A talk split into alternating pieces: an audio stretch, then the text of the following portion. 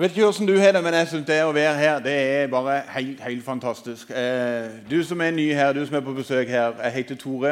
Jeg er så privilegert som jeg sa i stad, å være pastor her. Jeg tror det må være en av de villeste menighetene i Norge som har tørt å ansette en sånn langhåra fyr. Eh, jeg var just i Romania, og da var, var, det en del som Vi kom inn i det rommet, og så var det noen som pekte på meg, og så sa de 'Og han er pastoren?' Og da var det litt sånn å! Litt sånn Er han det, liksom? Går det liksom an å se sånn ut? Eh,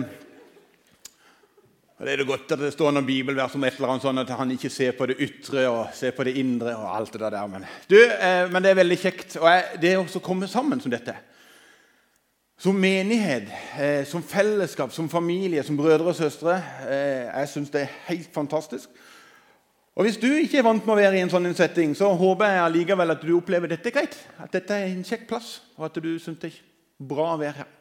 Før jeg begynner å preike, eh, så er det et par ting jeg har bare lyst til å nevne.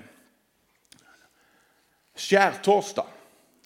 Da har vi en samling her på huset som personlig Nå skal ikke svare for andre, men personlig en av de flotteste dagene i året for min del. Da samles vi nede i kafeen til et fellesskapsmåltid. Vi spiser enkelt kveldsmat sammen. Vi deler bibelvers og vitnesbyrd. Vi synger sammen. I år har vi til og med fått eh, med oss både folk på piano, vi har fått noen som skal, eh, som skal lede allsangen, vi har fått noen som skal eh, være med og synge både soloed og duett. Og vi skal ikke minst dele nadværet sammen. Så på, på torsdag klokka sju er du hjertelig velkommen her. Og så har jeg sagt det mange ganger. Men neste søndag Hva enn du har tenkt å gjøre, så er det her du skal gjøre det. For det bare, Vi skal feire første påskedag som aldri før. Vegard og gjengen kommer til å stille med et svært lovsangsteam. Eh, skal, det blir ballonger og konfetti, og det blir hoppeslott, og det blir, eh, barna skal få en spesiell plass. Og vi skal feire som aldri før. For er det én dag i året vi ønsker å signalisere til alle rundt oss at Jesus er stått opp, så er det første påskedag. Vi skal vise det med en fest av dimensjoner her. Så Jeg har allerede begynt å få meldinger av folk. Når begynner det? Kan jeg invitere folk? Ja, du skal invitere så mange du kan klare å få med deg til neste søndag. Og Jeg vet at det er ikke lett. Men jeg har tenkt å gi meg sjøl den utfordringa. Dere som kjenner meg, vet at det synes jeg er vanskelig. for det er litt sånn, Har du lyst til å komme og høre på når jeg taler? Det blir litt sånn jeg føler når jeg inviterer folk. og jeg kjenner Det er litt sånn kleint. Men jeg skal gjøre hva jeg kan for å invitere med meg noen, og så håper jeg du gjør det samme neste søndag klokka 11. Men i dag, i dag så er det palmesøndag. Og Jeg har lyst til at vi skal igjen eh, dykke ned i en bibeltekst som er blitt lest tidligere i dag. Og så vil jeg oppfordre deg når du kommer hjem, finn fram en bibel. Og så finner du Matteus, Markus, Lukas og Johannes, de fire første, fire første evangeliene i Nytestamentet. Og Så finner du hvor det står om palmesøndag, og så leser du de alle fire plassene. For Når du leser alle fire plassene, så vil du få et mye større bilde av hva som faktisk skjer på palmesøndag. Men akkurat nå i formiddag så skal vi lese ifra Johannes og Vi skal lese fra Johannes kapittel 12, fra vers 12 til 19. Og Der står det Dagen etter fikk folkemengden som var kommet til festen altså Folkene de var på vei til en fest. De skulle feire påske, og de var på vei til denne festen. Og Så får de høre at Jesus var på vei inn i Jerusalem. Da tok de palmegreiner og gikk ut for å møte ham. Og de ropte, 'Hosianna! Velsignede Han som kommer i Herrens navn, i Israels konge.' Jesus fant et esel og satte seg opp på det, slik det står skrevet. Vær ikke redd, datter Sion. Se, din konge kommer ridende på en eselfole. Dette skjønte ikke disiplene med det samme. Men da Jesus var blitt herliggjort, husket de at dette sto skrevet om ham, og at folket hadde hilst ham slik. Alle de som hadde vært til stede da han kalte Lasarus ut av graven og vekket ham opp fra de døde, vitnet om det. Det var også derfor folk dro ut for å møte ham, for de eh, fikk høre at han hadde gjort dette tegnet. Fariserene sa da til hverandre dere ser, Der ser dere at ingenting nytter. All verden løper etter ham. Jeg er ikke fri fra å ha en ganske livlig fantasi. Og det er det noen her i menigheten som vet. Og når jeg leser dette, her, så får jeg noen veldige bilder inn i hodet mitt. Og så prøver jeg å dra dere med inn i dette. For når jeg leser om denne folkemengden, her, så ser jeg bare føre meg noe vanvittig med folk. Jeg ser føre meg noen gamle damer med skaut og eh, stokk. Jeg ser føre meg en gjeng med gamle menn som har bare to tenner, og som kommer humpende litt og halter litt. Og så ser jeg føre meg en gjeng med tenåringer som springer, og en del gutter som springer etter jenter, for de har ikke skjønt at det er egentlig Jesus vi skal springe etter, men vi springer fordi de springer, så vi springer her. Og så ser jeg masse, masse folk av voksen som er i ekstase. Altså det er litt sånn Her i Porsgrunn så ville det blitt litt sånn Pitt-festival 17. mai og Barnas på en og samme dagen. Bare se det føre deg. Og du bare horder med mennesker som synger, som roper, som jubler. Og så drar de på med denne her Hosianna. Hos, altså, når de begynte å rope dette her Hosianna, Hosianna, så var det jo ikke bare et par av gutter som hadde med som stilt seg bort i den ene krogen, litt sånn som supportere på et fotballag, og så sagt vi må komme på med en god sånn slagsang som vi kan synge mens vi springer rundt her. Nei, nei, nei. De henta dette fra en salme, salme 118. Du kan lese det når du kommer hjem. I salme 118 så står det sitert dette her. Og Der står det egentlig hva Hosianna egentlig betyr. Det betyr 'Herre, frels'. Så det de, det de ropte når de ropte Hosianna, så var det 'Herren frels! Herren frels! Hosianna! Velsignede Han som kommer i Herrens navn! Israels konge! Hosianna!' En enorm stemning og en enorm begeistring over det som de ser skjer rett framfor øynene sine. Det de ikke er klar over, og som gjør las, det er jo at eh, de faktisk er med på å oppfylle en profeti. Altså En profeti er noe som er blitt sagt for lang tid siden, om noe som skal skje en eller annen dag. Og Gudsordet det er fullt av profetier. Og Spesielt nå i påsketida så er det enormt mange av profetiene som står i Gamle testamentet, som blir oppfylt i påsketida.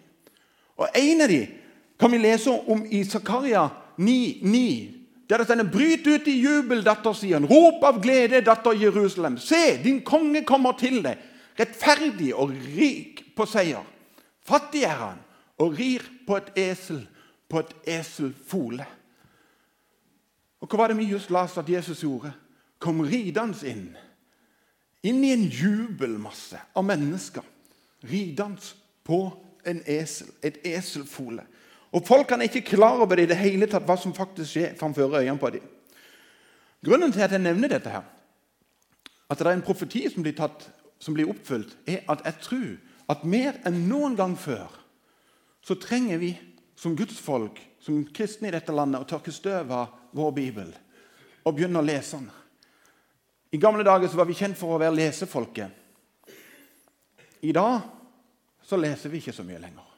Men vi trenger at Gudsordet får lov til å bli levende. At Gudsordet får lov til å påvirke oss. At vi ser at profetiet går i oppfyllelse. At vi ser Guds storhet. For det er ingenting som ikke står her, som er sant. Jesus sa det sjøl. Himmel og jord skal få gå, sa Jesus. Men mine ord skal aldri, aldri få gå. Så vi trenger å ta det til oss, for det gjør et eller annet med oss. Og skal jeg bare se litt på klokka og tenke har jeg tid til å ta Ja, det har jeg. Vi går greit. Det er en, en, en kjent skuespiller som spiller en rolle som heter Poirot. Detektiv Poirot. Hvor mange har sett Detektiv Poirot? Alle de eldre og noen av de yngre. Flott. Utrolig flott Agathe Christie-filmer. Eh, og han som spiller eh, de filmene, som ofte er skuespilleren, han heter David Chachette. David Chachette gjorde noe merkelig. Han kom hjem etter en lang dag på skuespillersettet, var trøyt, kom inn på hotellet. Kjente at han måtte slappe bitte grann av, så han eh, fylte badekaret på hotellet og tenkte nå tar jeg et bad. Og så tenkte han jeg må sette meg ned og lese noe når jeg ligger i badekaret. Og så er Det eneste han har liggende, det er filmmanus, og det har han ikke lyst til å lese. Så han går litt gjennom hotellrommet, og så finner han det som ofte ligger i et hotellrom. Et Nytestamentet fra Gideon. Så han røsker det med seg, legger seg i badekaret, begynner å lese Matteus kapittel 1, vers 1, og så begynner han å lese og blir bare så fascinert over det han leser, at han blir liggende til vannet er iskaldt. Og Da er han allerede kommet til Johannes evangelium. Når han kommer til Johannes evangelium, da sier han dette er sanne ord. Jeg trenger en herre og frelser i mitt liv. Og i dere badekaret blir David en kristen. Og han står fortsatt dette er mange år siden, og fortsatt så står han fram og er veldig tydelig på sin tro om at Jesus har forandra mitt liv, og så er han der at han merker det samme som, som vi kan lese om i hebreerne. For Guds ord er levende og virkekraftig og skarpere enn noe tveget sverd. Det trenger gjennom til det kløyver sjel og ånd, mage og bein og dømmer hjertets tanker og planer. Vi trenger å løfte opp en bibel, en Guds ord, og se at dette her er sant. Men la oss gå tilbake igjen til Palmesøndag.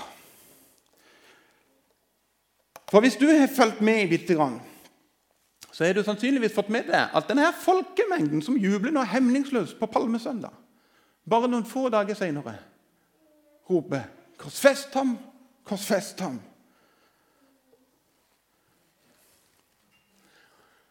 Den dagen når folkemengden ser Jesus komme riende inn, så er det spesielt to ting de jubler vilt for. Det ene er dette at eh, han har vekka opp Lasarus. Altså, går du hjem og leser hva som står før det vi las, så kan du se at Jesus er på besøk hos Lasarus. Og folk hører om det, og de kommer for å se både Lasarus og Jesus. De er vilt begeistra. Tenk at en mann som er død, er blitt vekka opp igjen. Så de kommer fra hullene for det. Og det andre de kommer hullene for, er at de ser på han som en redningsmann. Jødefolket var under denne tida her okkupert av eh, Romerriket. Det var keiseren som regjerte. og Han regjerte gjennom sine soldater og offiserer. Og De var med å trykke israelsfolket ned og holdt de nede og gjorde at det var vanskeligheter. Det var disse her romerne som for klarte å få han Sakkeus, som vi hørte om kanskje på søndagsskolen. Han som var en sånn overtoller og som kara til seg masse penger. Og som på mange måter ble en sånn en landssviker, eller en quisling, som vi ville sagt i Norge. Alle disse her var med å trykke jødefolket ned. Og nå så de plutselig en som de tenkte Han, han er jo han kanskje profetien handler om. Han som vi har lest om. En Messias, en redningsmann som skal komme og frelse oss. Og så jubler de hemningsløst, for de ser en som kan få dem ut av hengemyra. En som kan få ut eh, romerne.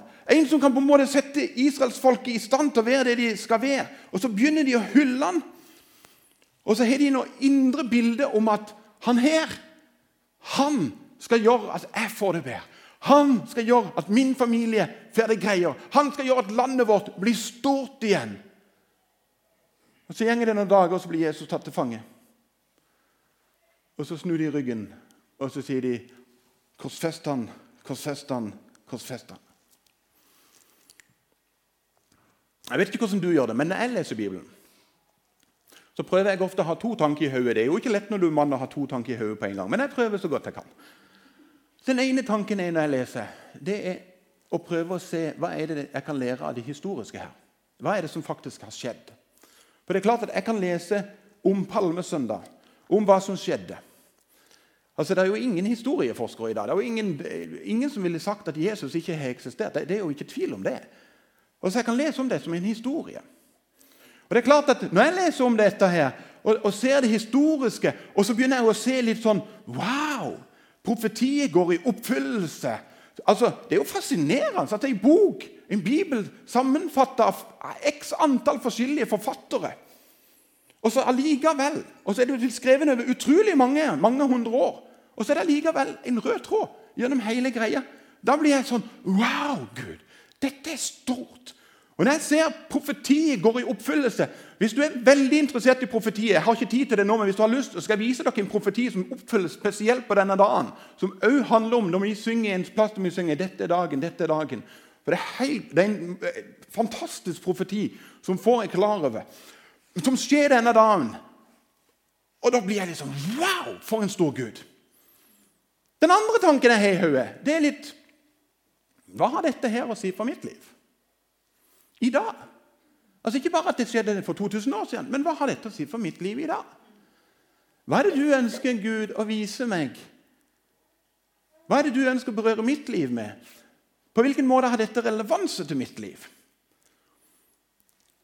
Og Da blir det ofte litt mer utfordrende.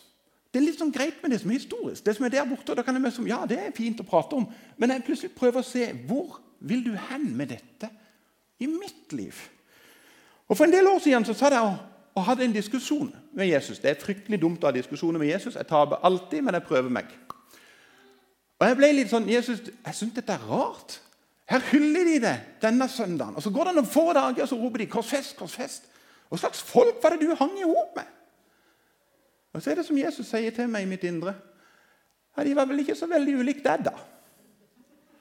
Hæ? tenker jeg. Ja, Men jeg er jo ikke sånn. Ja, er du ikke det, da, Tore? Og Så får vi en samtale, og så lyser Jesus noe inn i mitt liv som jeg har lyst til å preke videre om. For hva er det folkemengden gjorde, og som jeg òg ofte gjør? Og som sannsynligvis kanskje du òg gjør. Når folkemengden hyller Jesus, så har folkemengden egentlig en baktanke. De har et håp om at, og et ønske om at Jesus skal bli et middel for å nå de sine mål. Hvis jeg kan bruke han inn i denne settinga her, så får jeg det bedre. Hvis jeg klarer å få dratt han inn til konge, så får jeg det bedre som landsmann i dette landet. her. Hvis jeg kan flytte han inn der, så kan han være et middel for å nå mine mål. Utfordringa er bare det at eh, jeg gjør av og til noen av de samme tingene sjøl. Når Gud ikke passer inn helt i mitt liv, når hans vilje ikke er egentlig det jeg har lyst til Når hans ord belyser ting i mitt liv som jeg ikke har lyst til at han skal belyse Når min vilje er noe annet enn hans vilje, når Gud ikke svarer meg på mine bønner sånn som jeg vil at han skal svare dem, eller når jeg ber bønner og jeg føler ikke at han svarer i det hele tatt. Når livet møter smerte og motgang, og man desperat roper til Jesus, men ingenting forandrer seg Når Jesus rett og slett ikke er helt sånn som jeg egentlig hadde tenkt han skulle være Jeg hadde på en måte et mål med deg, Jesus. Og så ble det ikke sånn som jeg hadde tenkt. Og så er det bare det at Jesus har aldri ønska å være et middel for å nå mine mål. Jesus har et ønske om å få lov til å være målet for vår liv. Han har aldri ønska at han skal bare være et middel for at mine mål og mine drømmer skal bli oppfylt. Eller min egen suksess. Derfor så trenger jeg igjen og igjen å lære Jesus sitt liv. Og spesielt én ting som Jesus lærer oss bare noen få dager herifra på skjærtorsdag. På skjærtorsdag er Jesus inne i en hage som de kalles for Getsemanshagen. Og der inni så begynner Jesus å gjøre noe. Han kneler, og så ber han en desperat bønn. Hvis du noen gang tenker at jeg har bedt desperat Du har aldri vært i nærheten av å be så desperat som Jesus gjør det. Og det han ber om, det er La meg slippe. La meg få lov til å slippe Gud. Ja, så, jeg, jeg, som sagt, jeg har litt livlig fantasi, men det er litt som jeg ser for meg at Jesus har en samtale med sin himmelske far. Far, dette her var en god plan, og vi planla dette for en evighet siden. Jeg syns det har vært greit å komme her til jord, det var greit å være barn, det har vært greit å være sønn av en snekkersønn her, det har vært gøy å møte alle disse folkene. Men nå ser jeg hva som kommer, og jeg kan ikke tenke meg alt den lidelsen og den smerten og det å bli nagla fast til et kors. La meg få lov til å slippe. Han ber desperat om å slippe. Det er ikke bare sånn ja, det hadde vært greit hvis jeg kunne slippe dette. Nei, han ber så desperat at det stender at han svetter blod. Han er helt på felgen for å få lov til å slippe. Og så kommer den lille bønnen til slutt. Men ikke som jeg vil. Bare som du vil. Skje din vilje. Og Jeg har tenkt mange ganger den bønnen der trenger vi å dra inn og over oss. Og mange ganger har ikke vi opplevd smerte, vanskeligheter i vårt liv. Jeg skal ikke snakke for din del, men for min del så vet jeg bare det at jeg har møtt noen prøvelser i livet som har vært vanskelig. For en del år siden så møtte jeg denne berømmelige veggen. Og jeg husker det ble en sånn umiddelbart sånn, så har du lyst til å be denne enkle bønnen. Jesus, bare fiks det, få denne mørket vekk. For det ble kålsvart. Hvis du aldri har vært inne i et svart svart, så, så, så, vet jeg ikke hvordan jeg skal forklare det. For du som har vært der, så vet jeg hvordan du har hatt det. Det er bare svart. Det er ingenting. Heldigvis for min del så hadde jeg lært noe en del år tidligere. Det er ca. snart 20 år siden jeg ble en kristen. og når jeg ble en kristen, så bærer jeg veldig ofte følgende bønn når jeg våkner på morgenen. Kjære Jesus, takk for en ny dag. Må du være med meg gjennom denne dagen. Amen. Og Det er jo ikke noe dum bønn å be. Det er bare det at eh, En trenger egentlig ikke å be han, for det at Jesus har allerede lovt at han skal være med oss hver eneste dag. Og Plutselig så var det en kompis av meg som gjorde meg oppmerksom på dette. Så sa han, Tore, du trenger ikke å be om at Jesus skal være med deg hver dag. Men hvis du har lyst, så skal jeg lære deg en bedre bønn å be. Å, sa jeg. Hva er det? Så sa han, når du våkner på morgenen, be følgende bønn. Takk, Jesus, for en ny dag. Må din vilje skje, og led meg gjennom denne dagen.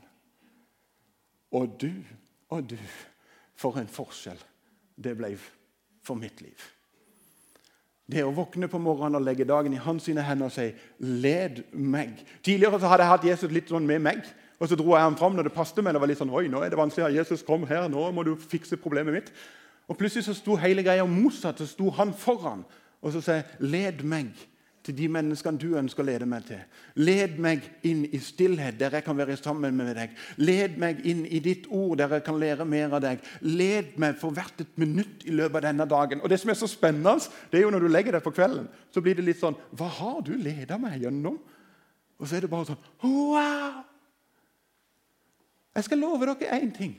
Jeg hadde aldri blitt pastor hvis jeg skulle hatt viljen min, og Jesus bare skulle vært med meg. Men når han plutselig sier skal vi gå til påsken, så tenkte jeg nei, vi skal jo ikke det, men du går foran, så da går vi.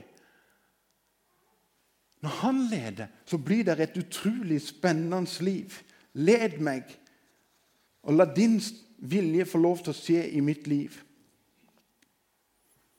På grunn av den erfaringa ble møtet med veggen og mørket aldri så skummelt som det kanskje kunne ha blitt.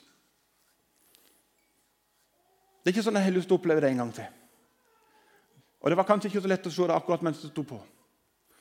Men midt i det mørket så kjente jeg på en utrolig fred og trygghet om at han hadde full kontroll.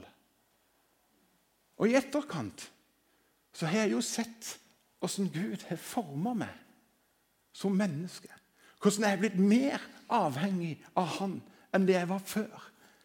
Og så har han fått lov til å få et større plass i mitt liv, og jeg har fått lov til å få et større bilde av han.